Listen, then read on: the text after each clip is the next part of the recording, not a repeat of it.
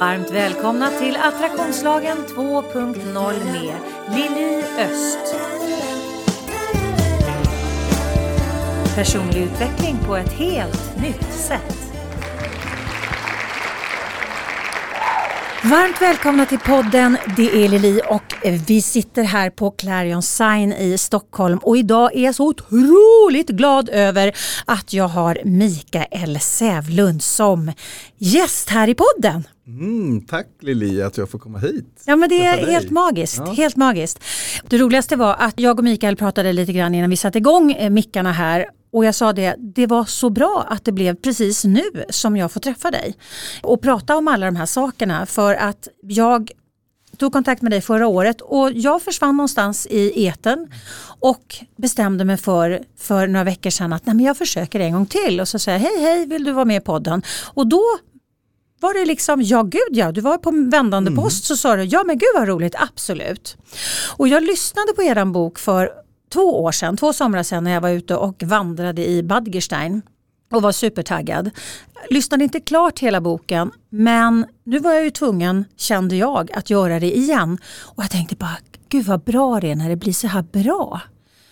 För jag ska precis själv, eller jag har precis själv startat upp ett arbete. Jag jobbar ju mycket med att hjälpa andra människor och jag mm. poddar och jag skriver och jag, jag är väldigt liksom utåt hela tiden. Men nu har jag bestämt mig att 2021 ska jag ge mig själv det här året och, och göra en jag 2.0. Och då var det här precis perfekt timing för ni pratar ju om så mycket spännande saker i boken. Mm. Mm. Och boken jag pratar om det är alltså livet med kvantfysiska glasögon och bara det blir ju jag helt lycklig över den titeln. Det är bara Ray-Ban som, som säljer dem. Ja, precis. Men du, du börjar ju faktiskt, du har skrivit den tillsammans med Titti Nordgäng. Nordgäng, precis. Mm. Och jag gillar uppbyggnaden av boken mm. eftersom det, det, den är lite lekfull, mm. det är bra dialoger, det är mm. övningar. Mm. Någonting som jag också tycker väldigt mycket om det är att ni ha, äh, har mycket referenser. Och då inser ju jag att vi har ju samma referenser. Mm. Eh, och jag har ju läst många av de böckerna som ni refererar till och som ni också presenterar på ert sätt. Mm. Och då kände jag så här, vad bra det blev. Mm. Att få liksom en, en svensk tolkning på, för det är ju oftast engelska böcker. Mm. Men det blev en helt annan upplevelse kände jag när den blev liksom tolkad utifrån ert perspektiv. Mm. mm, mm. Mm. Så det var väldigt roligt. Och du börjar ju väldigt, väldigt spännande tycker jag i boken. Du säger så här. Enligt kvantfysiken så finns ju då dåtid, nutid och framtid, de existerar ju samtidigt. Så man kan skicka resurser till sig själv i dåtiden. Och så kan man transformera någonting i dåtiden och ta emot information från framtiden till nutiden. Berätta lite grann om det. Allt handlar ju om hur vi väljer att se. För när vi är i grunden är övertygade om att allt primärt är fysiskt så som vi har lärt oss i skolan mm. av mainstream science så är det väldigt svårt att förstå det som du sa precis. Mm. Men en person som eh, faktiskt har en matematisk formel för det här, han heter Albert Einstein. Och han har räknat på det här och menar att dåtid, nutid, framtid har vi access till alltid. Så nu har inte jag läst hans ekvation, men om man till exempel gör en metafor av det här och gör en övning i kvantfysik, som man mycket väl kan göra, innebär det att vi faktiskt kan förändra både dåtid, nutid och framtid. Vad händer om jag förändrar dåtid? Jo, det påverkar ju nutid och framtid. Mm. Vad händer om jag förändrar nu? Jo, det förändras då, nu och sen. Mm. Så att, eh, och vad händer om jag förändrar ett minne i framtiden? Då förändras det nu och då. Mm. Och Det här är ganska kul att leka med de här sakerna. Och det funkar faktiskt ganska bra när man gör detta. Men då handlar det om hur vi ser verkligheten. För ser vi den primärt fysiskt, då, då blir det här helt omöjligt. För då är livet som en linje. Det börjar där och så går man på en linje till då. Mm, precis. Men i kvantfysik kan man säga att där är allting mer lateralt. Alltså allting existerar på samma gång. Mm, mm. Och nu är det ju så här att vi har ett mind och vårt mind är ganska smart. Så att det har skapat tid för att inte allt ska hända på samma gång. För om inte vi får veta konsekvenserna av våra val och beslut, hur ska vi kunna lära oss? Och hur ska vi kunna välja? Så där är tiden ganska viktig. Mm, mm, mm. Men om man jobbar med till exempel sig själv, om man vill förändra någonting och förändra sin medvetenhet, så kan det vara jättebra att arbeta med den här, jag skulle kalla det för metaforen, den här övningen. Mm. För du kan bokstavligen förändra då, nu och sen. Och det går med en hejdundrande fart. Och det är jättekul. Vi har ju trott att vi ska förändra oss själva genom kanske ibland terapi, att förstå och förklara. Och De här modellerna de föddes ur naturvetenskapen, förklaringsmodeller, förståelsemodeller med en grundtes som har bevisats falsk. Grundtesen är att allt primärt är fysiskt. Okej. Och vi består ju av 99,9999 procent vibrerande energi. Eh, så vi är mer tomrum än, än, än eh, fysiska varelser. Ja. Liksom. Ja. Så det vi har lärt oss kan vi säga är i princip mellan 100 och 100 procent falskt. Mellan 100 och 100. Du vet hur det gick till va? Berätta. Jag tycker det är viktigt att vi lär oss någonting av vår e- egen historia, Mm. mänsklighetens historia. Under inkvisitionen Mm. så var den romersk-katolska kyrkan härskande i Europa. Och de eh, romersk-katolska prästerna var ju de som styrde och ställde med allt, med politiker, med ledare, med människor. Och eh, de hade ju förklaringsmodellerna, de hade ju liksom tolkningsföreträde på allting. Och du skulle leva som de sa, Mm. eller som de sa att Gud sa att Mm. du skulle leva. Och människor dog ju som flugor. Sen fanns det ju människor som kunde det här med örter eller healing eller sådana saker. Vad kallades de? Ja, kvacksalvare Ännu värre. eller eh, häxor. Häxor. Mm. Eller trollkarlar. Mm. Och vad gjorde man med dem? Man brände dem. Ja. Och man skvallrade på varann. Mm. Så ingen fick hjälpa en annan människa. Det fanns inte heller tillåtelse till att någon fick vara läkare inom den kristna kyrkan. Det var bara judar och muslimer som fick vara läkare. Så att man fick inte lära sig om människokroppen, om anatomi och hur en människa fungerade. Det var förbjudet. Så att man satt fast i det här. Det var liksom bara vissa som fick veta sådana här saker. För alltså, det är ju härskarteknik. Mm. Mm. Det kan man säga att det är. Ja. Eh, det var ganska otäckt. Och eh, det var häxbränningar ända här uppe i Sverige. Mm. Och det fanns en person som hette René Descartes, en fransk filosof, som för övrigt dog här i Stockholm. Mhm. Mm. Drottning Kristina blev väldigt förtjust i honom, bjöd hit honom och han frös ihjäl på Stock- Stockholms slott. Men innan han frös ihjäl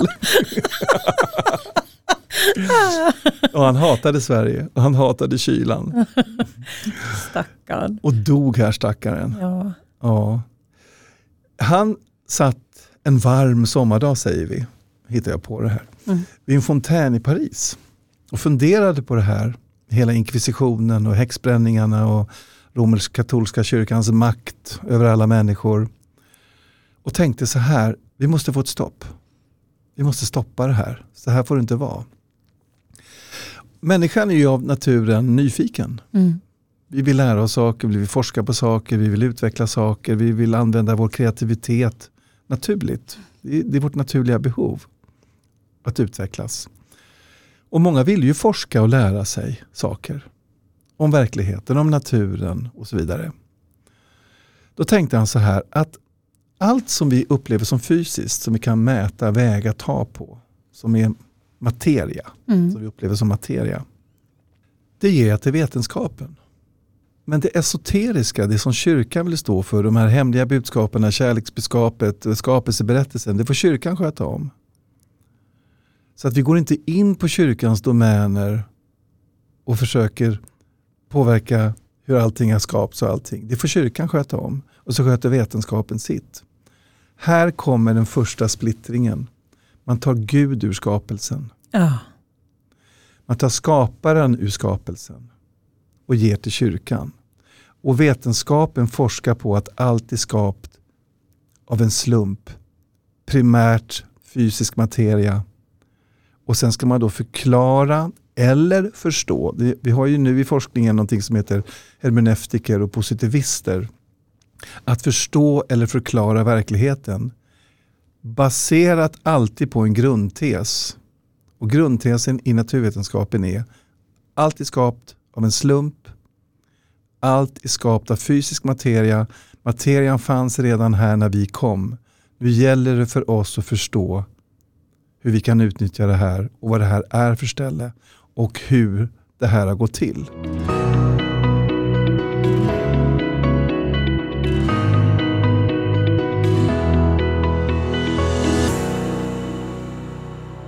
Och då går det ju aldrig att göra en adekvat bedömning för att då har man ju bara en del av kakan. Mm. Så därför har man ju länge, länge, länge, länge liksom, jag menar att, att säga, i alla fall nu kanske man kan det, men jag menar det var inte länge sedan du fick inte nämna ordet Gud på universitet och högskolor eller på något forskningsinstitut. Det var ju som att svära i kyrkan. Mm. Du är en olyckshändelse, jag är en olyckshändelse, allt är en olyckshändelse. Det var en smäll. Och det här är den enda smällen i historien som har skapat någonting. Normalt så när det exploderar så förstörs ju saker. Men den här smällen, den skapade hela universum. Alla galaxer, solar, stjärnor, planeter, månar och dig och mig. Så på något konstigt sätt så var det då efter den här smällen så blev det heta gasmoln som på något sätt merge smälte samman och skapade materia som skapade planeter, som skapade solarna, stjärnorna, allt det här. Och på de här planeterna, ur den här döda materian, så skapades liv. Och intressant nog så tror de på den här storyn själva och har gjort det till vetenskap. Det finns inte ett enda bevis, det finns bara en gissning och ett grundantagande. Att en cell överhuvudtaget kunde skapas sa de gick till så här. Om du tänker dig jorden i tidernas begynnelse, vulkaner, det, det har kommit vatten någonstans ifrån. Gasmolnet har även skapat vatten. Och så ligger det och bubblar och fräser i de här vulkan, små vattenpölarna eller vulkangroparna. Mm. Ser du det bubblar och fräser i leran där. Och lite gasmoln luktar svavel och så vidare. Och sen helt plötsligt så uppkommer det mitokondrier, riboflaminer, aminosyror i den här lilla, eh, lilla lervällingen. Och så exploderar någonting som kommer från en blixt och så skapas det en cell. Vad de har glömt bort här är att cellen måste ha en information att kunna dela sig. Det, har de, det struntar de i. Utan ehm, det blev celler som simmade omkring helt planlöst. Bara sådär. Och sen helt plötsligt så kom det någonting som kallades för protein. Som sattes i cellernas membran och då började de här cellerna kunna kommunicera med varandra. Och vad de pratade om har jag ingen aning om. Men de bestämde sig för att skapa små samhällen. Och de här samhällena kom att kallas för amöba. Och amöberna anpassade sig då efter den här miljön de levde i och allt var i vatten, i vatten, vatten, vatten hela tiden. Och sen så på något sätt den naturliga, naturliga selektionen som farbror Darwin, han är ju också en sagofarbror, farbror Darwin har pratat om. Eh, allt bygger ju bara på saga, mm. påhitt. Eh, så skapades det små varelser som var då anpassade efter den här miljön. och sen när de här varelserna skulle anpassas efter en ny miljö, då blev de andra varelser. Och så en dag, när alla de här vattenlevande djuren, det blev fiskar till slut och valar och allt vad det nu var, skaldjur och allting, så kom den här kvastfeningen som skulle upp på land. Och då skulle den utveckla lungor istället för gälar och benstumpar istället för fenor. Den stod där i vattenbrynet och tittade upp. Här ska jag upp, tänker den här kvastfeningen. Och så tittar den bort mot stenröset där borta på stranden och tänker jag kanske kan bli en ödla. Eller en fågel eller något annat spännande djur. Ormar kanske. Eller så går jag ut på savannen så kan jag bli en antilop. Eller en tiger. Eller en elefant. Och så går den upp och så blir den andra djur. Som anpassar sig efter den nya miljön. till slut blir den den högst utvecklade varelsen av alla. Människan. Och det här ska ske då över år, miljarder år. Den här evolutionen. Mm. Problemet med det här, det finns inte ett enda bevis för de här teorierna. De här djuren som skulle bli andra djur när de anpassar sig efter den nya miljön finns inte som fossiler eller skelett eller någonting. Man har aldrig i något enda laboratorium kunnat bevisa den här teorin. Man gissar att det är så. En fisk är alltid en fisk. Den skulle aldrig få för sig att gå upp på land. Omöjligt. De har gälar och de är vattenlevande. De dör ju efter några minuter uppe i vårt syre. Mm, mm. Och så vidare. finns inte ett enda bevis och det här visste Darwin själv om. Här håller inte min teori. Men det måste ha varit så, det borde ha varit så. Sen köper hela den här vetenskapliga skaran det här som vetenskap. Mm. Man köper Big Bang som vetenskap. Det finns inte ett enda bevis. Ett annat problem man hade det var att spiralgalaxer ute i universum kan egentligen inte hålla ihop som spiraler. Varför då? Det finns för lite massa om nu Newtons teori om gravitation ska hålla. Att en större kropp attraherar en mindre kropp. Och då vetenskapligt hittar man på det måste finnas materia inte vi ser. Då uppfann man dark matter, svart materia, mörk materia. Och så satte man in den och så sa man nu funkar teorin. 1967 var det en forskare som upptäckte att galaxerna inte bara flyttar sig ifrån varandra, de accelererar när de borde sakta ner efter den så kallade explosionen. Och Han blir så konfunderad och de börjar jobba på den här teorin. Hur kan de accelerera och öka i hastighet när explosionen skulle vara starkast i början och sen ska den ju sakta av. Vet du vad man gjorde? Nej. Då la man svart materia i utkanten av universum, om nu universum har en utkant, om det är oändligt, hur kan det ha en utkant? Och då la man materia där, hittade man på. Och då fick den materian som var de yttre delarna pulling effekt. Så den drar till sig den här materian som, är, som kallas galaxer. Man hittar på allting och så är man vetenskaplig. Det här är pseudoforskning anser jag. Allting. Darwin, evolutionsteorierna, allting. Fler och fler forskare som jag har intervjuat och träffat säger idag att naturvetenskapen så som de har lärt sig och vi har lärt oss och våra barn får lära sig är idag världens största religion. Den kallar sig för vetenskap. Den bygger på grundantaganden, gissningar som nästan alla skapades i mitten på 1600-talet. Just för att man inte fick ha skaparen med i sina förklaringsmodeller eller grundteser. Mm. Den tillhörde kyrkan. Mm. Och då blir ja, det är ju väldigt, väldigt intressant. Eh, man får ju en helt annan bild när man hör det på det sättet tänker jag. Men jag, jag har ju läst mycket av Greg Braden, lyssnat mycket på, på honom bland annat. Och, och han menar ju på att, att just den här det är ju liksom en stor maktelit som, som faller om man helt plötsligt säger att, att eh, det vi har tänkt är vetenskap är, är bara antaganden och nu har man mycket mer förfinade modeller tänker jag. Alltså, man kan ju titta på ett helt annat sätt på saker och ting. Man behöver ju titta på ett sätt som, är, alltså, som inkluderar en större del som, som inte eh, liksom separerar kyrkan och, och vetenskapen utan tittar på totalen. Och där har du kvantfysiken Ja. som kommer in Mm. i slutet på, på 1800-talet med Dr. Max Planck. Mm. Som just upptäcker att consciousness, medvetenhet, helt plötsligt har någonting med verkligheten att göra. Och han upptäckte ju när han gjorde sina experiment, han forskade ju på elektricitet och magnetism och elektromagnetiska fält. Mm. Han upptäckte att när han observerade sina experiment så påverkade han dem genom att bara titta på dem när han var i rummet. Mm. Fick ett resultat. Mm. När han inte var i rummet och inte observerade dem så fick han ett annat resultat.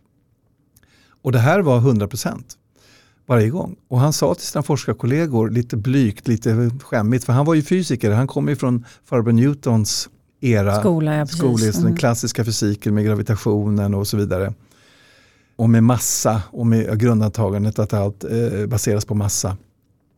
Eh, han sa så här till sina kollegor, när jag observerar mina experiment så verkar det som att jag sitter ihop med dem. Han pratade om det här ordet sammanlänkning eller entanglement Mm. som många pratar om idag.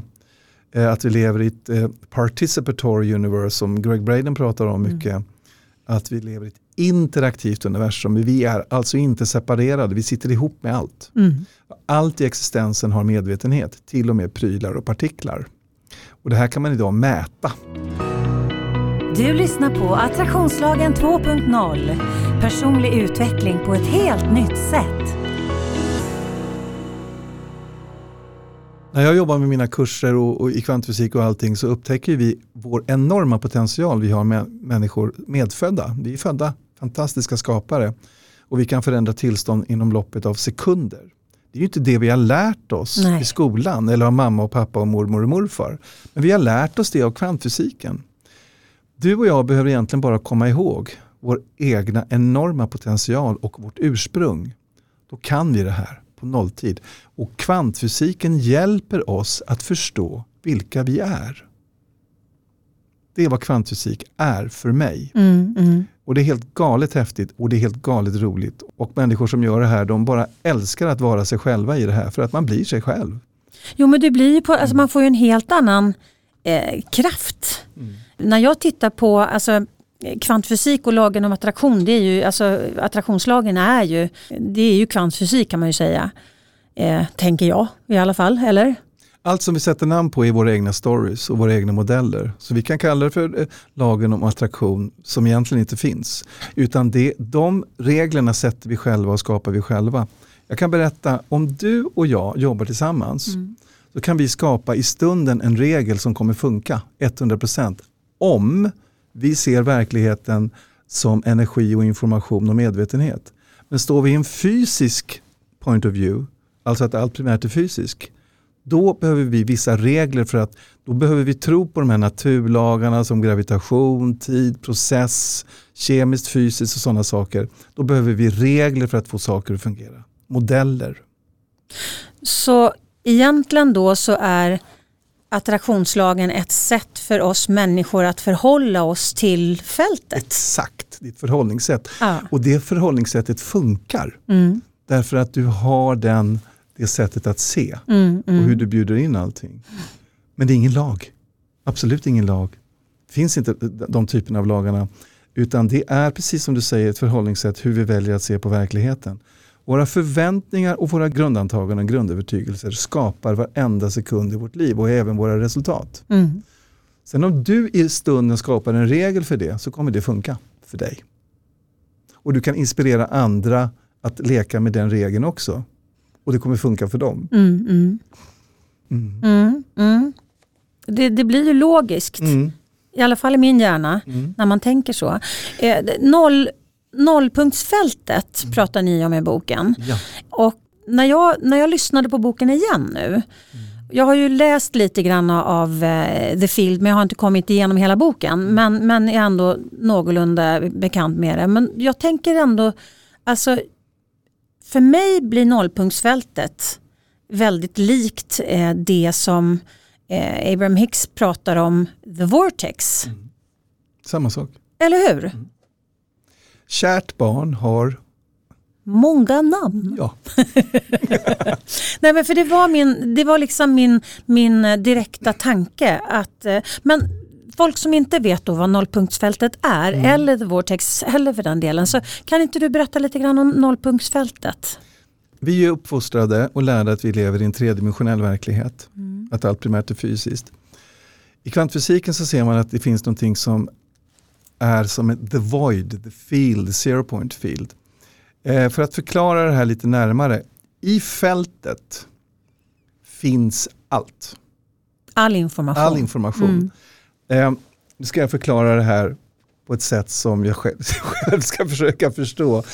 Eh, om du som liten flicka upplever saker och ting och gör en tolkning, då kommer du kollapsa vågen i nollpunktsfält i fältet till en partikel som blir information som lägger sig på din kan man säga, biologiska hårddisk eller undermedvetna hårddisk och blir en tolkning. Du kollapsar alltså, alltså fältet, din tanke, din, ditt beslut, ditt val, din konklusion kollapsar vågen i fältet till en partikel och tolkningen blir en verklighet för dig, det blir en erfarenhet, en upplevelse som du alltid kommer bära med dig. För att om du möter någonting i framtiden som liknar det här, då kommer du titta tillbaks på den här upplevelsen eller händelsen och tolka det du ser utifrån vad du själv har upplevt. Mm, precis, den, Vågen har, ja. den här referenspunkten. Mm, mm. Men om det är en obehaglig upplevelse som skapar ett dåligt mönster i ditt liv, mm. så vill du inte vara i det här mönstret. Du upplever det som ett offer för det här mönstret. Och varför gör du det? Jo, därför att det ligger ju snurrar i, på di, i ditt undermedvetna som i din biologiska hårddisk. Och när du får ett stimuli, du möter någonting, så kan det här minnet aktiveras mm. och skapa en känsla, ett beteende, en handling automatiskt. Och du upplever, nu är jag här igen, nu drabbas jag av det här igen. Nej men gud, varför tar det här aldrig slut? Varför händer det här alltid mig? Mm.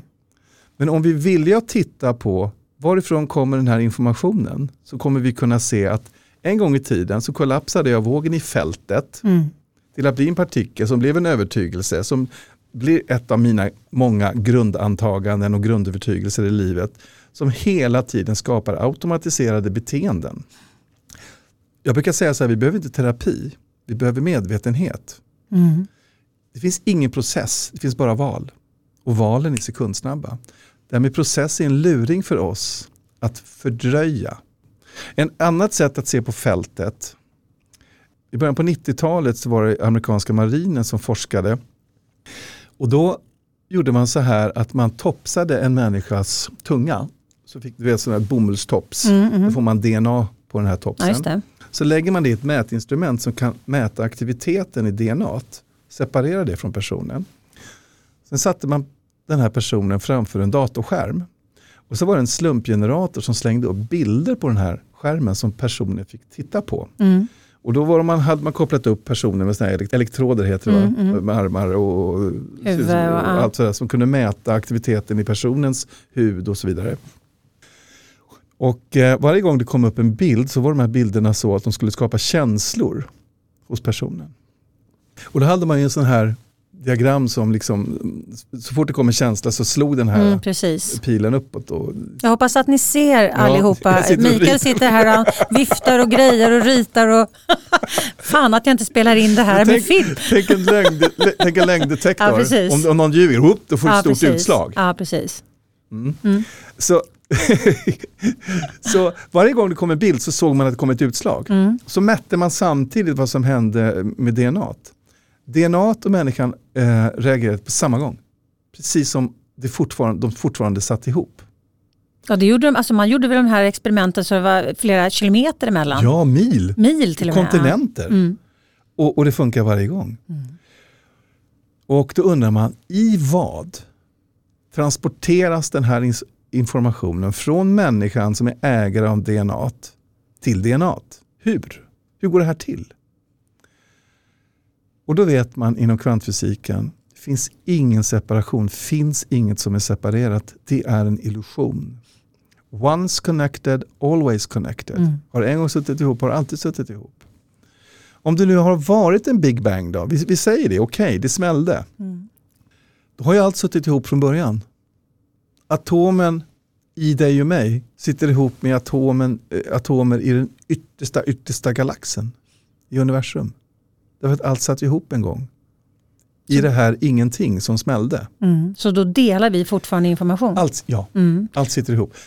Det här blev ett problem för Einstein med relativitetsteorin. Han har ljuset som är konstant 300 000 km i sekunden i rymden, time space som påverkas av gravitationen. Och ljuset var, den, var det absolut snabbaste. Men det är också utifrån tredimensionellt tänk. I det här fallet så kunde ibland DNA reagera precis innan bilden kom. Som mm. om den visste vilken bild som skulle visas. Och det är samma effekt som man får på när man te testar hjärta och hjärna. Mm. att hjärtats impuls kommer före, typ sju, sju sekunder före hjärnan. Eh, Och det, är, det är så otroligt spännande tänker jag när, när våra gamla paradigm och våra dogmer när de liksom blir helt omkullkastade av ny information.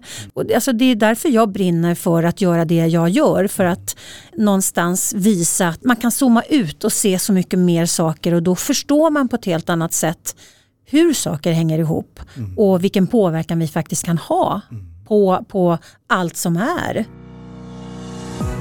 På min hemsida liliost.se hittar du massor av matnyttig information både för dig som privatperson såväl som för er som företag. Du hittar mina onlinekurser och vad som är på gång och aktuellt just nu. Du kan köpa mina böcker och få dem signerade och du hittar min musik, bland annat vignettmusiken till podden. Och under fliken gratis har du nedladdningsbara pdf och minikurser som kan hjälpa dig att lyfta ditt liv och teamet till en ny nivå. Det är så viktigt precis, att, ta re- och, och, och vara nyfiken och ta reda på saker. Mm. Jag har ju liksom varit en sökare. Hur kom du in på det här? Oj, det är ju en lång resa. Jag är ju liksom skådis från början. Men jag har alltid varit intresserad av det här lite mystiska och det här lite anden i glaset och sådana där när man lekte när man var liten. Ja. Men jag blev så rädd så jag gjorde aldrig. Men sen har jag ju gått olika liksom terapier själv. Rosenterapi och liksom massa olika sätt, regression, tidigare liv och sånt. Jag har varit jättenyfiken. Och eh, dels för att jag behövde jobba med mig själv eh, av vissa anledningar. Men också för att jag var väldigt nyfiken på människor. Jag såg ju människors potential väldigt tidigt. Och jag visste när jag var liten att vi kan mer än vad de säger. Mm. Och, och det som de säger, det känns inte sant. Och framförallt inte i skolan. Jag ifrågasatte ju fysiken och kemin och, och biologin och allting. Hur vet man att det här är sant? Jag frågade läraren. Jo men det står i boken. Ja men vem har skrivit boken då? Mm. Ja men det, har- det har de ju forskat på. Men hur vet vi att det är sant? De har hittat på det här. Och jag var ju jättebesvärlig. Jag fick jättebra betyg i de här ämnena. Men jag, jag trodde inte riktigt 100%. Så, så jag var ju alltid en sökare. Även när jag jobbade som skådis många år. Utbildade mig till regissör också och var på teatrar och, och sådär. Så var jag alltid igång med att läsa de här böckerna. Mm. Semchitov, Fodeniken och alla de här science fiction-grejer. Jag tyckte det var jättespännande att lära sig. Och eh, jag gick på väldigt mycket olika typer av, av, av, saker för, för jag var nyfiken. Så att Mm. säga.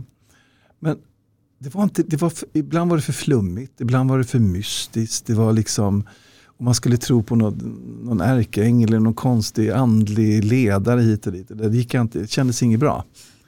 Utan jag trodde att det där, det där har vi inom oss. Liksom. Vi har den kontakten själva. Jag var övertygad om det.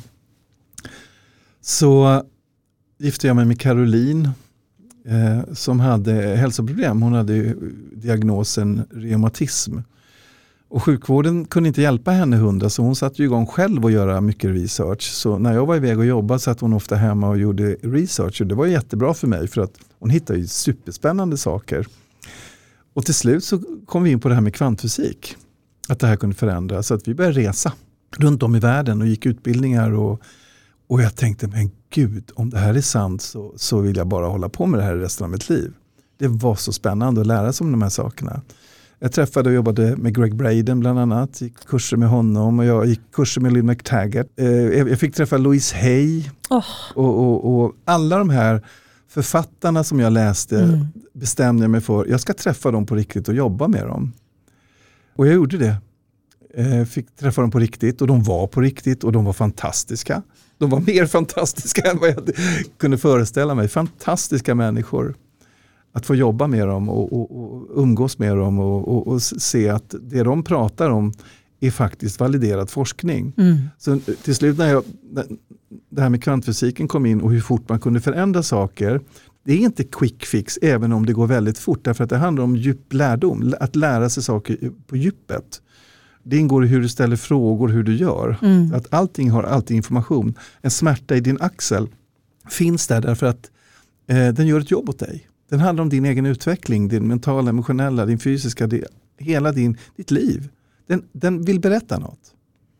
Och när du ställer frågor på rätt sätt så brukar vi säga så här, vilken fråga kan förändra verkligheten? Vilken fråga kan förändra det här tillståndet?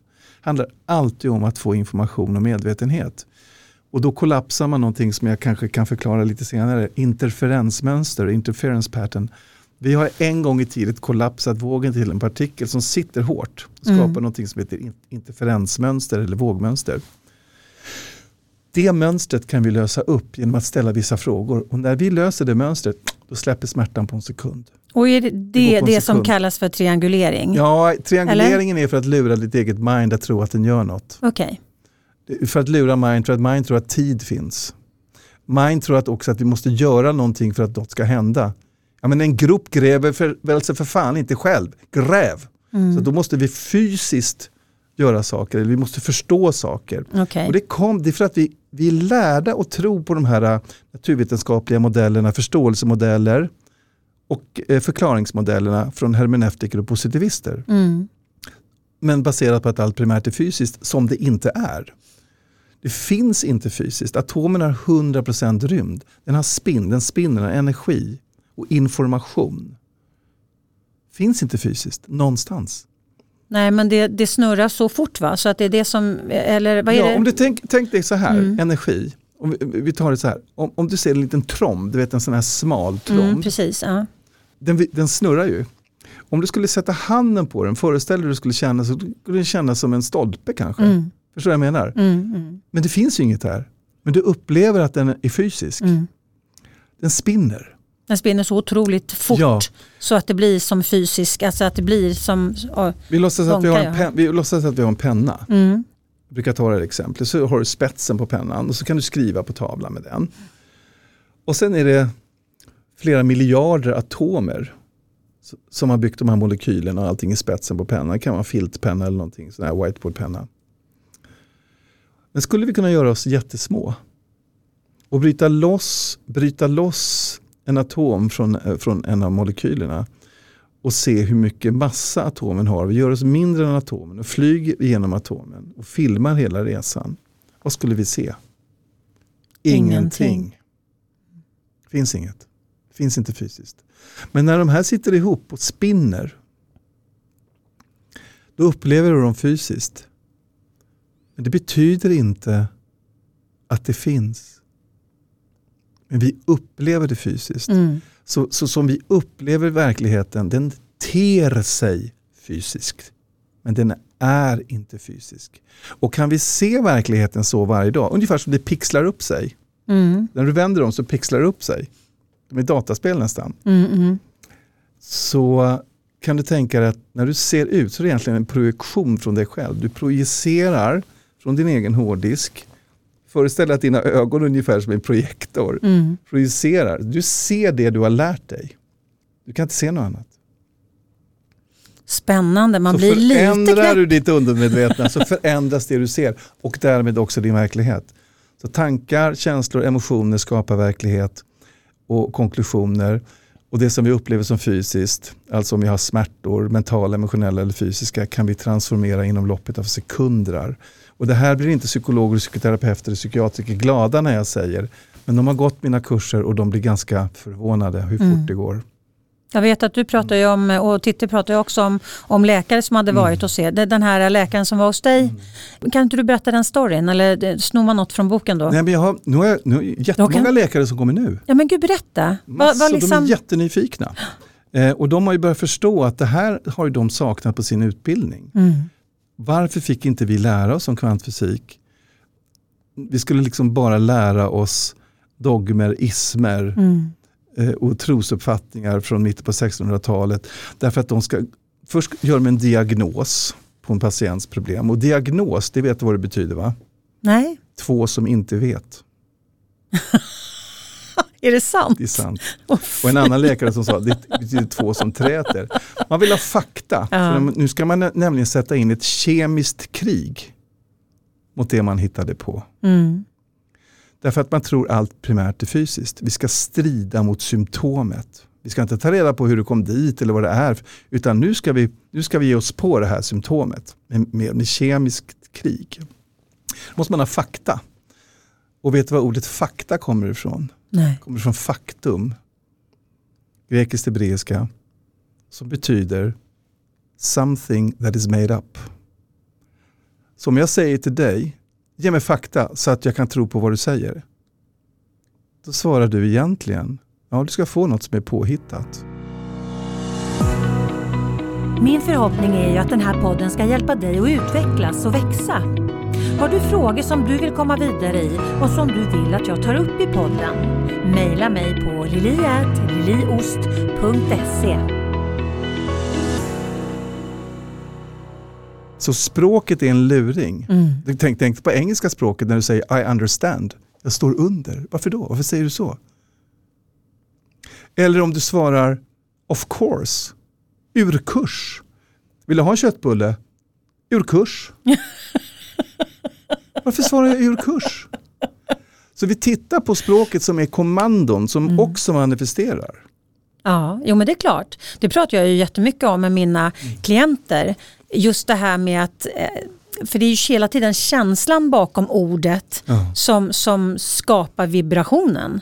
Eh, inte ordet i sig men känslan bakom. Och precis vad de har lagt in i det för att allt är ju kommando. Mm. Vad vi än säger så är det kommando, kommando, kommando, kommando. Mm.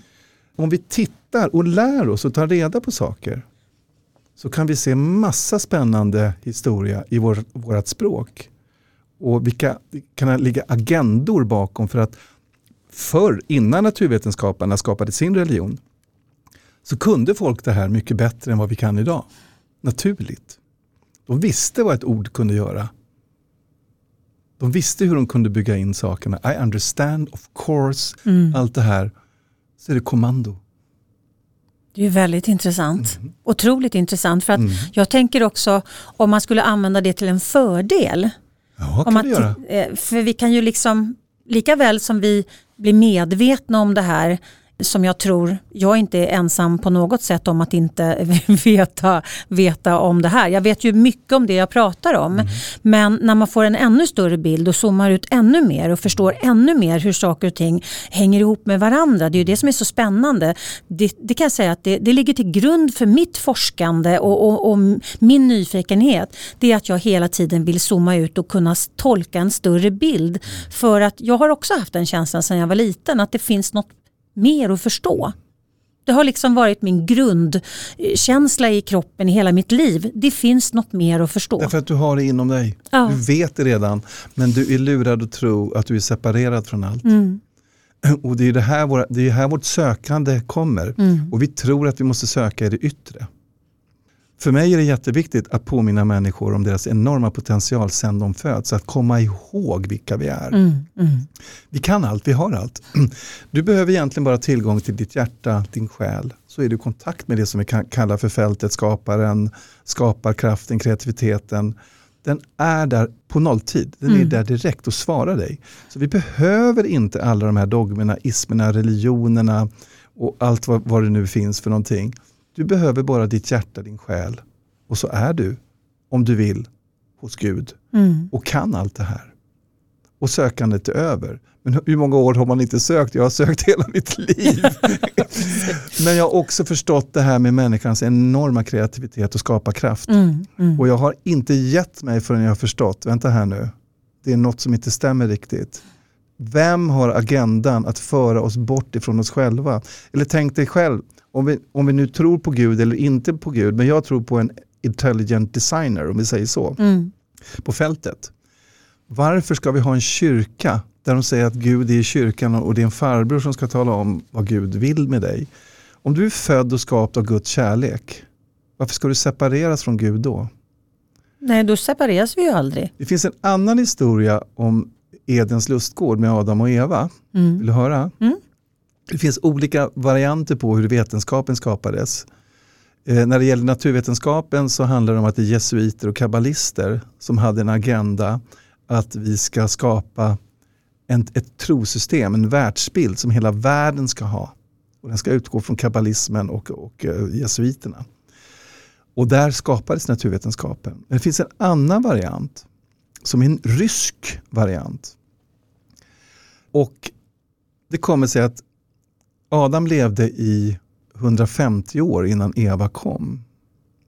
Han hade dagliga samtal med Gud. Men om Eva skulle komma då måste Gud och Adam ha en annan typ av kommunikation som skulle gå igenom känslor och bilder. Och en vacker dag så satt Eva där, vacker och skön och han började känna jättekonstiga känslor för henne. och de levde ihop, de fick barn och han blev så glad och de blev så glada och lyckliga. Så levde de där i, i paradiset, i Edens lustgård och allt var fantastiskt. Och så började Eva fundera på, men hur har Gud gjort det här? Adam? Ja, men det behöver vi inte veta, vi har det ju bra. Ja, men jag vill veta. Ja, men ja, ja, och så började de diskutera det här. Hur gjorde Gud? Vad är det här för någonting? Och de tittade på allting där. Istället för att äta, att ormen lurade Eva att äta av kunskapens frukt, mm. så bröt Adam grenen på trädet och tittade in, in i den molekylära strukturen och få se hur gjorde Gud det här? Hur byggde han det här med vad? Här säger de skapades vetenskapen. Så hittar man olika modeller men det blev en separation. Man kan förklara världen utifrån fysik, utifrån biologi, utifrån kemi, mm. utifrån olika modeller man byggde. Och ju fler modeller man byggde, ju längre och längre ifrån skaparen kom man. Mm. Och ju längre och längre ifrån kärleken, meningen, allt kom man. Och Gud. Helt plötsligt blir allt mekanistiskt. Det finns ingen mening med ditt eller mitt liv eller med evolutionen som helhet.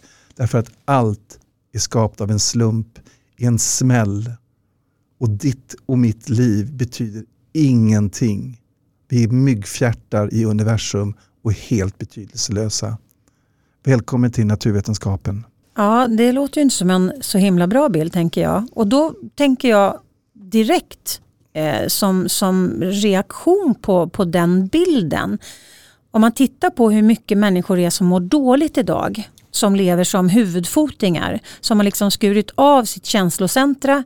Eh, man är jättemycket uppe i huvudet, i sitt görande, i eh, eh saker, i eh, pengar, i liksom hela det systemet. Och så har man skurit av eh, sitt känslocentra och så mår man jättedåligt för vi är ju holistiska, alltså vi, vi är ju det måste ju vara holistiskt för att vara helt, tänker jag. Mm. Och då gör man ju den separationen i människan precis som, som den separationen som du pratar om nu med att separera vetenskapen och, och Gud. Mm.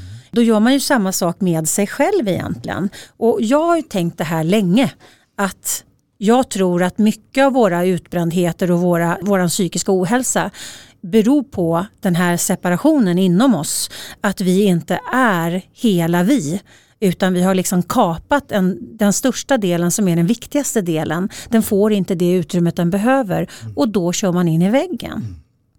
Jag ser också när man jobbar med folk. Jag har, jag har upptäckt en sak. Och det är till exempel om man jobbar på tidslinjen som man kan göra i NLP och lite olika saker. Mm. Man kan också göra in, inom kvantfysiken. Och så kan man kollapsa det som hände då. Mm. Det går väldigt, väldigt fort. Du kan ändra på dåtiden väldigt, väldigt fort. Men jag upptäckte att nästan vi allihopa, vi människor, kanske inte alla, men de flesta, har någonstans i barndomen vänt sig själv ryggen.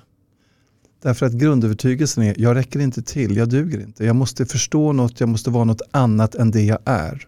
Mm. Jag måste fungera, jag måste socialisera. Mamma och pappa blir inte glada om jag gör så, de blir glada om jag gör så. Så får jag belöningar när jag gör som systemet förväntar sig av mig att jag ska göra. Och då har jag lämnat mig själv, min kärna, min själ kanske, i fyraårsåldern. Då står den kvar. Mm. Och så börjar jag bygga en ny personlighet, så som jag tror att förväntas av mig att jag ska vara. För jag får hela tiden belöningar.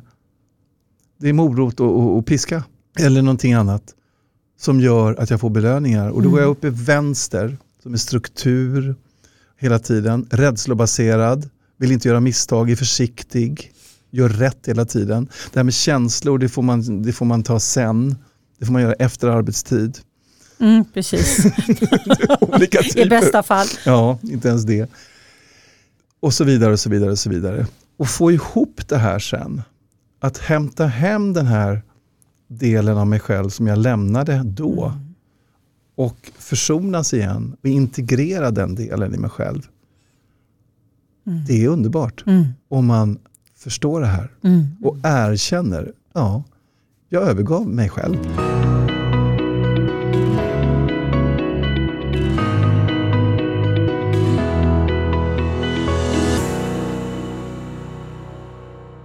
Skolan har en lag, visste du det, som säger så här. När jag var på, jag har ju, jag har ju tre barn, två biologiska och en, en bonusbarn. Och när man var på de här utvecklingssamtalen så satt ju man, läraren och eleverna och föräldrarna och pratade om vilka mål eleven hade och vad de ville ha för mål i det ämnet och det ämnet och vad som krävdes och hit och dit. Och hur barnet fungerade i klassen och i skolan och allting. Det var ju mm. massa saker, det var i det här systemet.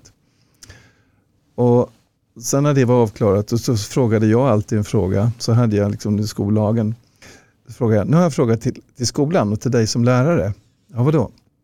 Hur tillvaratar du mitt barns unika unicitet? Va? Vadå? Det ska du göra enligt lag, sa jag. Nu har du talat om vad mitt barn ska och krävs, avkrävs i det här systemet. Det finns en lag som säger att du som lärare, representant från skolan, ska se mitt barns unika universitet. Om den är bra i musik, dans, i idrott eller vad som helst, vill bli vad den vill bli. Det ska du se. Vad fick du för svar? De kunde aldrig svara. Nej. Jo men Sam fungerar bra, ja Vincent han fungerar bra. Vad fungerar bra inom systemet? Men hur ser du honom som individ, som människa? Vem är han? Vem är han? Vem är hon? Vem är Elin? Intressant. Vi hoppas att det är några då, lärare som Då kan man ju få som med sig den här delen av sig själv. Mm. Den får vara med, den får vara integrerad ja. i skolan. Jag får upp i mitt huvud här eh, när vi pratar om det här vi får ju x antal kriser ofta i livet. Mm. Det kan vara liksom en, en kris i tonåren. Alltså krisen kommer ju först kanske vid sju års ålder och sen får man typ en i tonåren mm. och sen så runt 20-årsåldern och sen har vi 30-årskriser och 40-årskriser och 50-årskriser. Och, och jag tänker de här kriserna, kan det vara liksom att systemet säger så här, nej, nej, nej, nej, nej, nej, vänta nu här, stopp och belägg. Du har inte med dig hela dig du måste stanna. Jag måste, du måste få med dig hela dig när du går framåt nu. Du har inte med dig hela dig. Du har inte med dig din fyraåring. Du har inte med dig eh, din, din, dina känslor, eh, hela, hela ditt eh, eh, totala system. Utan du har bara med dig delar. Eh, och det totala systemet larmar och säger hallå, nej, nej, vänta nu här. Jag brukar säga att, att att psykisk ohälsa är egentligen ett friskhetstecken. Mm. För det visar ju någonstans att, att det systemet vi lever i gör oss sjuka. Alltså det är inget bra. Det är inget bra att leva separerad från sig själv eller från varandra heller för den delen, med den grundantagandet att, att, eh, att inget hänger ihop. Mm. Eh, men, men någonstans fick jag bara upp en bild att de här olika kriserna som kommer, som skapas naturligtvis ibland av situationen men även som bara krisen, bara en, en, en identitetskris mm. som bara dyker upp. Och man bara helt ja, men det kanske är liksom en, en sån där, hallå, nu får du fan stanna och, och plocka ihop alla delarna innan du fortsätter framåt. Ja, absolut. Det kan absolut gå till på det sättet som du jag säger. Jag fick bara den, ja. den bilden ja. i, i huvudet. Mm. Sen kan det också vara att det är planterat i oss. Ja, snart kommer 50-årskrisen, mm. snart kommer 60-årskris. Ja, det är en förväntan. Det, det, ja, precis. Yes. Det blir en story som vi sen eh, kommer upp, uppfylla. Ja. Som den här, eh, de här dåliga knäna på, på, nej höfterna var det, på, i, i boken. Just det. Ja. Just det. Du frågade om den här läkaren. Ja. Eh, hon, hade, hon, hon, gjorde martial art, alltså hon gjorde kampsport eh, som träningssätt. Mm. Och så hade hon eh, fått en spricka i armbågen. Så hon hade ju röntgat och såg att det var en spricka i armbågen. Hon hade jätteont i armbågen. Så frågade jag henne så här, som jag sa till dig förut, man kan skapa regler mm. i stunden och så kan man släppa dem. Du kan hitta på vilka regler du vill. Mm. Om jag säger varmkorv, det är, då släpper det. Mm. För att jag hittade på det. Mm, mm. Ordet varmkorv liksom betyder ingenting annat än att det är ett kommando. Just det här med observation, man observerar partikeln så kan du säga ett kommando. Ungefär lite grann som Hogwarts i, du vet, i Harry Potter. Mm, mm. Men de har ju sin magic wand. Ja men precis. vi, kan, ja, men precis. vi kan knappa, men vi behöver inte det. Det är ett kommando. Därför att vi interagerar i fältet med allt som är fysiskt. Då frågar jag henne så här, eh, hur mycket smärta har du i armbågen? Ja det är ju jätteont, det är nio, nio liksom, på en skala upp till tio så är det nio, okej. Okay. Eh, vill du bli av med smärtan? Absolut, okej. Okay. Okej, okay. Eh, vill du bli av med den på 12 sekunder? Nej men, men sluta sa han, är du inte klok? Vad är du löjlig? Nej. Vill du bli av med smärtan? Ska vi säga 12 sekunder? Ja, men, jag är läkare.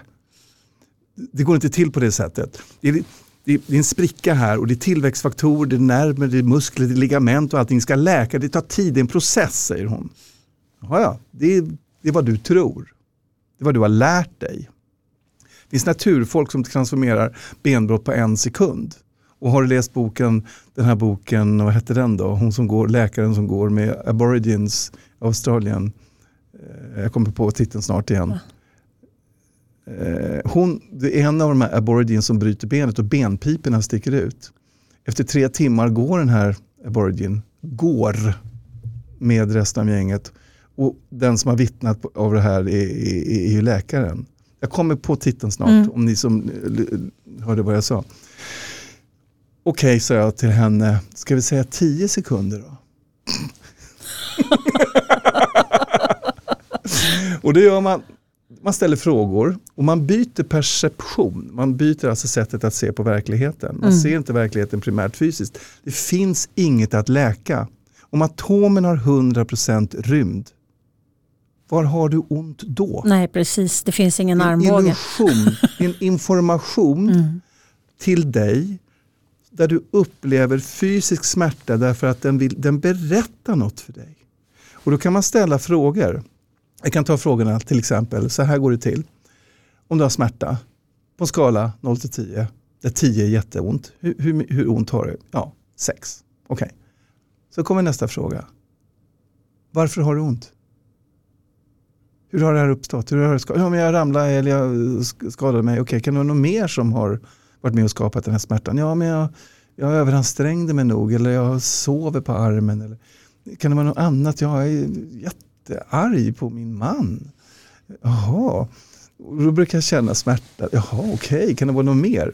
Och då, när den här personen nu berättar varför den tror att den har ont, då brukar jag se det som på den biologiska hårddisken så är det information som jag slänger upp på det som jag kallar för storyboard eller klippboard. Det är en story. Mm. Och den här storyn är undermedveten. Mm. Och den ligger och beamar. Den håller smärtan på plats. Så länge storyn finns så finns smärtan. Men är du villig att släppa informationen så kom, kan du lyfta informationen, här är symboliskt, mm. och lägga den på en storyboard ovanför. Om det, ett exempel, om du tittar på tv eller tittar på din datorskärm. Mm. Var kommer bilden ifrån på din skärm? Från, från, någon, ja, från datorn. Ja, från datorn. Vad har den? Ja, ja precis. Den, den ja, har en hårddisk. Den, den, hårddisk på den hårddisken finns det information. Mm. Eh, som ligger i vissa kluster, som ettor och nollor, binära tal, eller hur? Mm, mm. Och när du har adresserat att just de, den informationen ska vara aktiv, då pixlar sig den bilden upp. Men om du nu skulle ändra informationen på hårddisken som, som projicerar den här bilden, mm. vad skulle hända med bilden? Ja, den ändras ju naturligtvis. Ja, så att om du lyfter upp den här informationen som ligger på din hårddisk och blir medveten om den och ändrar på den, vad händer med smärtan då? Ja, då finns ju inte den. Nej, det är en illusion. Så, då kommer nästa fråga. Den här smärtan har en information. Den vill berätta något för dig. Den har ett budskap till dig. Den har en medvetenhet till dig. Vill du bli, ta emot den medvetenheten som den har? Och då brukar de ofta säga ja. Okej, okay, så kommer nästa. Vill du släppa vinsterna med ont? Medvetna, undermedvetna och omedvetna vinster. För mm. det finns alltid vinster. Jag slipper oh, ja. gå ut med hunden, jag slipper ja, diska, ja, jag slipper allt. Kan jag kan få uppmärksamhet, alltså det finns ju massa vinster att få. Och vill du göra det nu? Mm. Ja, säger de. Det är nu vi ska gå in i nollpunktsfältet. Då ber jag oftast personen att flytta medvetenheten som den tror att den har i huvudet. Den tror det.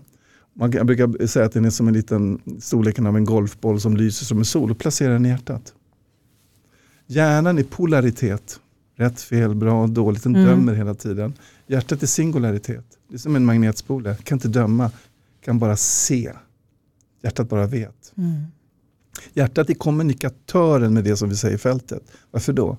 Feeling. Mm. Känslor. Mm. Det var det de glömde bort i boken The Secret. Det viktigaste. Feeling. För det är ju genom känslan vi... Här, ja, precis. Det är den största elektromagneten vi har. Ja, men precis. Varför glömde de det? Det vet inte jag. Nej. Det pratar jag mycket om också. Mm. Så i alla fall, så går man med medvetenheten från huvudet till hjärtat. Och sen brukar jag säga så här, tänk på en plats som du älskar, som bara är din, där du känner dig trygg. Tänk på den nu och var där nu. För vad jag egentligen gör är att jag manipulerar eller lurar människan att förflytta fokus från problemet till ett annat ställe. En njutning, ja. Ja. Och när de är där, det är ungefär som att öppna dörren till fältet. Då brukar jag göra det som kallas för triangulering. Och trianguleringen gör jag för att också manipulera mig själv att gå ur vägen. Okej. Så nyckeln i kvantfysiken när man ställt frågan är att gå ur vägen, inte lägga sig i. Försök inte fixa något eller göra någonting, för det finns inget att fixa. Mm. Det här är inte healing. Healar du en dator? Eller tar du bort informationen? Precis. Mm. Eller hur? Det är så Du bra när man får metaforer. Du kan inte heala information. Nej. Men folk tror ju på symptomen. Och när du går till healing och tror att du ska heala smärtan genom händerna, running energy through symptoms, då är du ju samma paradigm som läkaren. Och säger att smärtan är på riktigt, säger att det fysiska symptomet är, är, är, är på riktigt. Och vi ska göra någonting åt det med en Mm. energi. Istället för att förändra informationen. Istället för att skapa medvetenhet. Mm, mm, mm. Jag älskar healing själv, det är inte det jag säger, men, men just det här att det beror på hur vi ser det. Mm, mm. Så när jag gör trianguleringen är det för att själv gå ur vägen. Jag sätter fokus på olika saker som blir en triangel. Och när jag går ner i, i triangeln så går jag också ner i mitt eget hjärta Mm. och går ur vägen. Och funkar inte att göra ingenting, för det här är att göra ingenting, så gör ännu mindre. Vill du supporta podden? Gå in på liliost.se supporter.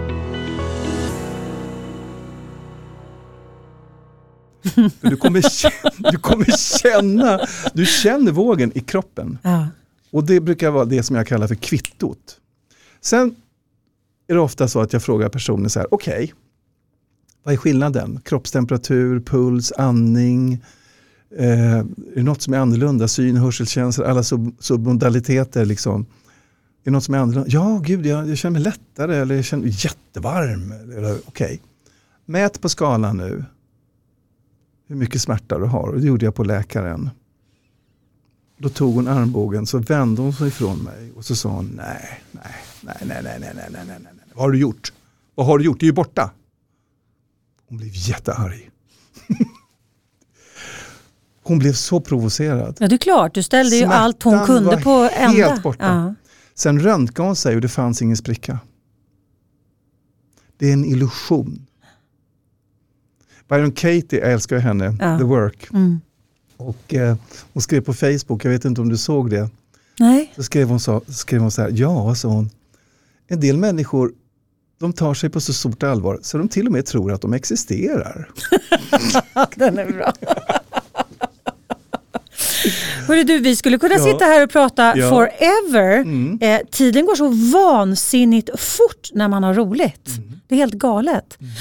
Jag, jag, jag, är faktiskt, jag, jag får ju faktiskt komma på en föreläsning med dig imorgon. Ja, Jag är imorgon. så jävla taggad så klockorna stannar. Du vet om jag sätter jag kan prata i dygn. Ja, men, jag, för, ja, men jag är ju likadan för att Ja. jag brinner ju också för det jag, jag pratar. Det är alltså, ni som eh, har, är, brukar följa mig i podden har nog aldrig hört mig så tyst någonsin. Ja, men det här är så kul. Och jag märker också när, när människor pratar om kvantfysik och vi pratar om kvantfysik och de får testa och göra och öva och testa och ser att det funkar. De är så lyckliga. Och varför är de det? Därför att de får vara sig själva. Mm. De får möta sin egen potential. Att det är inte svårt, det är enkelt. Vad vi behöver göra det är att lära av alla dumheter vi har lärt oss. Som ligger i vägen för oss själva. Som ligger i vägen Ja, för det som vi precis. söker. Ja. Jo men någonstans så, så tänker jag att vi alla människor har någon typ av, av känsla av separation i oss och, och att vi söker ett helt liv. Mm. Eh, om vi bara liksom förstod att det är oss själva vi söker efter. Eh, och, och liksom den här eh, totala tillhörigheten eh, faktiskt med allt. Finner du dig själv i ditt hjärta och din själ, tänk på din själ Mm. och känn skillnaden, bara du tänker på den, känn skillnaden. Så är du i kontakt med det du söker. Mm. Direkt, gå på en sekund. Du behöver inte åka tio varv runt jorden och söka just det som du gjorde nu. Nej, För det är det vi söker. Mm. Jo men precis. Det är ju en av Paulo Coelhos eh, eh, böcker Mm. där han söker efter Eh, vilken är det det är? Eh, Fröken Prym. Har du inte läst någonting av Paulo Coelho? Nej, det. Eh, fantastiskt. Men det är, han reser hela jorden runt och så hittar han sig själv eh, där han startade. Mm. Eh, och någonstans är det ju lite, alltså, det blir en fin konklusion av, av Mm. faktiskt av vad vad vi har pratat om här idag. Och det finns ju så otroligt mycket spännande saker att prata om. Jag skulle kunna sitta och prata med dig i 14 dagar om det som, som ni har skrivit om och det som du berättar här. Och min hjärna drar igång direkt. Eh, för jag är ju sån som människa att när jag får ny information så, så processar jag det jättesnabbt. Och, och liksom bara, du vet, så här, för det, det blir som ett pussel eh, där jag får pusselbitar och då helt plötsligt så ser jag någonting mer och då ser jag så här, men om det och det hänger ihop då blir ju det kanske det där. Det är så enormt spännande, alltså det är ju det här, det är därför jag gör det jag gör. För att jag är så jävla nördig. men men det, den nördigheten någonstans, den föds ju i min känsla av att det finns något större att förstå. Ja, och din nördighet kan ju också vara en inspiration för andra. Ja, jag hoppas det. Eh, nå- någonstans är det väl ändå så. Har jag eh, drivit en podd i tre år och skrivit böcker och, och folk läser och folk lyssnar så finns det ju naturligtvis ett, ett eh, uppdämt behov av att, att eh, faktiskt fylla på sig själv med de här sakerna och själv kunna tolka en större bild så att man kan fatta mer vad man kan skapa sitt eget liv. Det är ju liksom det som är grunden till det både du och jag gör, tänker jag i alla fall. Det är att, att man vill visa en, en större bild för det finns en större potential och vi har en så stor, mycket större potential som människor. Eh, världen har ju en mycket, mycket större potential. Men, men vi behöver ju bli varsamma med vad vi betraktar. Eh, eftersom eh, som, alltså, när vi betraktar saker så, så blir de ju. Så att vi behöver betrakta rätt saker och eh, skifta fokus från andra saker. Så att inte det blir det, liksom det som, som, eh, som blir ledande. Mm. Prenumerera gärna på min Youtube-kanal Attraktionslagen 2.0 så att du inte missar några uppdateringar. Men hörru du, eh, har du något nytt kul att berätta? Något nytt på gång? Mhm. Ja. Jag har ju skapat en eh, onlineutbildning som man kan hitta på min hemsida. Och vad är det för... Det är kurs 1 och 2. Ja. Trean, trean går man hos mig. Ja. Eh, och sen kommer jag göra kurser på, på andra språk, på engelska, tyska, spanska, italienska förmodligen blir det. Vad kul! Ja, och sen kommer jag förmodligen jobba nu när den här så kallade pandemin är över. Jag har jobbat mycket i Italien, i England, jag kommer åka tillbaka dit och jobba. Norge, så det är på gång. Gud vad När, när spännande. det går över allting. Ja. Ja. Eh, Irland. Blir det, Lovely. blir det saker ja, Ja. som kommer hända, så det är jättekul. Och det ska skrivas också. Så att, En ny bok på gång. mm. Ja. Mm. Spännande. Och kanske lite eventuellt teater, musikal och sånt som jag också tycker är kul. Ja men gud vad här. Ja, men det, som det... kommer gå Mm. i, i, det här, eh, i det här, ska man säga, det här temat. Mm. Som ska göras i musik och teaterform och dans. Coolt. Och det ska bli stort. Det ser jag fram emot att höra mer om. När du kan berätta mer om det. men du, en webbadress till din hemsida. Mm. Det är instant transformation. Instanttransformation.se Mm. Där hittar man den mesta informationen. Jag har, folk kan komma till mig på privata sessioner, men man kan komma på kurser och föreläsningar, gruppsessioner och så vidare. Så det finns saker. Jag har massa litteraturtips om man är nyfiken på var man ska börja någonstans om man vill ta reda på saker. Och jag uppmuntrar alla att vara nyfikna och läs mycket. Mm. Eh, och eh, sök själv. Mm. Det finns inga färdiga svar utan de finns i dig. Mm. Och kvantfysiken är ett språk, säger jag hela tiden, som hjälper oss att förstå mer om oss själva, vilka vi är och vårt ursprung. Och du kan mycket, mycket, mycket mer än vad du har blivit lärd. Mm. Du har allt. Alla har det. Så vi ska bara bli öppna nog att påminna oss själva och tillåta oss att påminna oss Minnas. själva om, om och minnas vad För vi gör är. du övningarna, då minns du. Mm. Du minns inte genom att förstå genom tanken, du minns genom att du är i det. Du gör det. Mm. Så när du förändrar en sak på några sekunder så tror du först att det här är inte möjligt. Det här är ju trolleri eller manipulation. Nej, det är det inte. Det är ett annat sätt att se, en annan perception. Mm. Du ser verkligheten från ett annat håll och då förändras den. Mm. Det här kan vara allvarliga saker med din hälsa. Det finns inga garantier, men det kan gå. Mm. Mm. Och bara det Mm. är ju en, en eh, fantastisk inspiration att vi faktiskt eh, kan eh, vara självhilande eh, genom att byta glasögon. Mm. Ditt kvantfysiska, Precis. Ray-Ban. Ja. Men du Mikael, jag hoppas verkligen att jag får eh, tillbaks dig. Ja, du får nu när komma jag liksom, tillbaks. eller hur? Ja. Nu när, när jag liksom fått in dig i, Ja. i podden här så hoppas jag att, jag att jag kan lura dig tillbaka. Mm. Jag är otroligt glad och tacksam för att du ville vara här med mig här ikväll. Och jag, eh, eller för dig som lyssnar nu, inte, det kanske både är morgon och kväll, men vi sitter här på Clarion på kvällen Mm. och eh, i faktiskt i snö. Nu är det igår regnade det Mm. och sen blev det snö och sen blev det regn och nu blev det snö igen. Mhm. Men eh, ja, jag tänker i alla fall bjuda dig tillbaka och hoppas att Tack. du kommer. Och så ser jag verkligen fram emot att få se dig på eh, scenen Imorgon. imorgon. Imorgon Jajamensan. Det ska bli jättespännande. En, en väldigt corona-anpassad eh, Ja, det blir eh, inte så publik. många. Nej, men så- Vi kommer sitta utspridda. mm. Eh, och eh, jag tackar dig för att jag fick komma. Det var jättekul att träffas. Ja, detsamma. detsamma. Och tack snälla du för, som lyssnar och varmt välkomna tillbaka nästa vecka. Hej då! Hej då! Du har lyssnat på Attraktionslagen 2.0.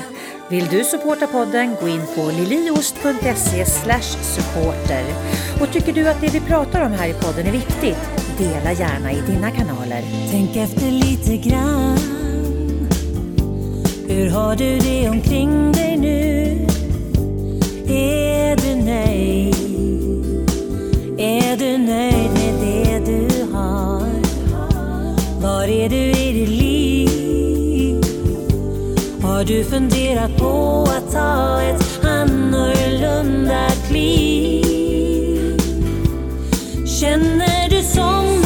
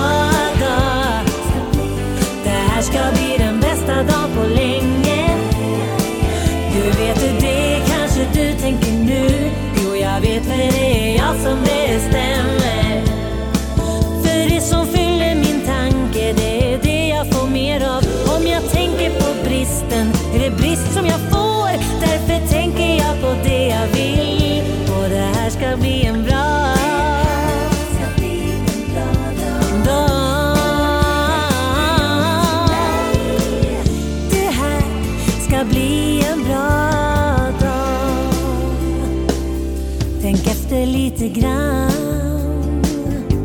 Vad är det som du tänker på allra mest? Det du har eller inte har. Vem är du i ditt liv? Och har du tagit rodret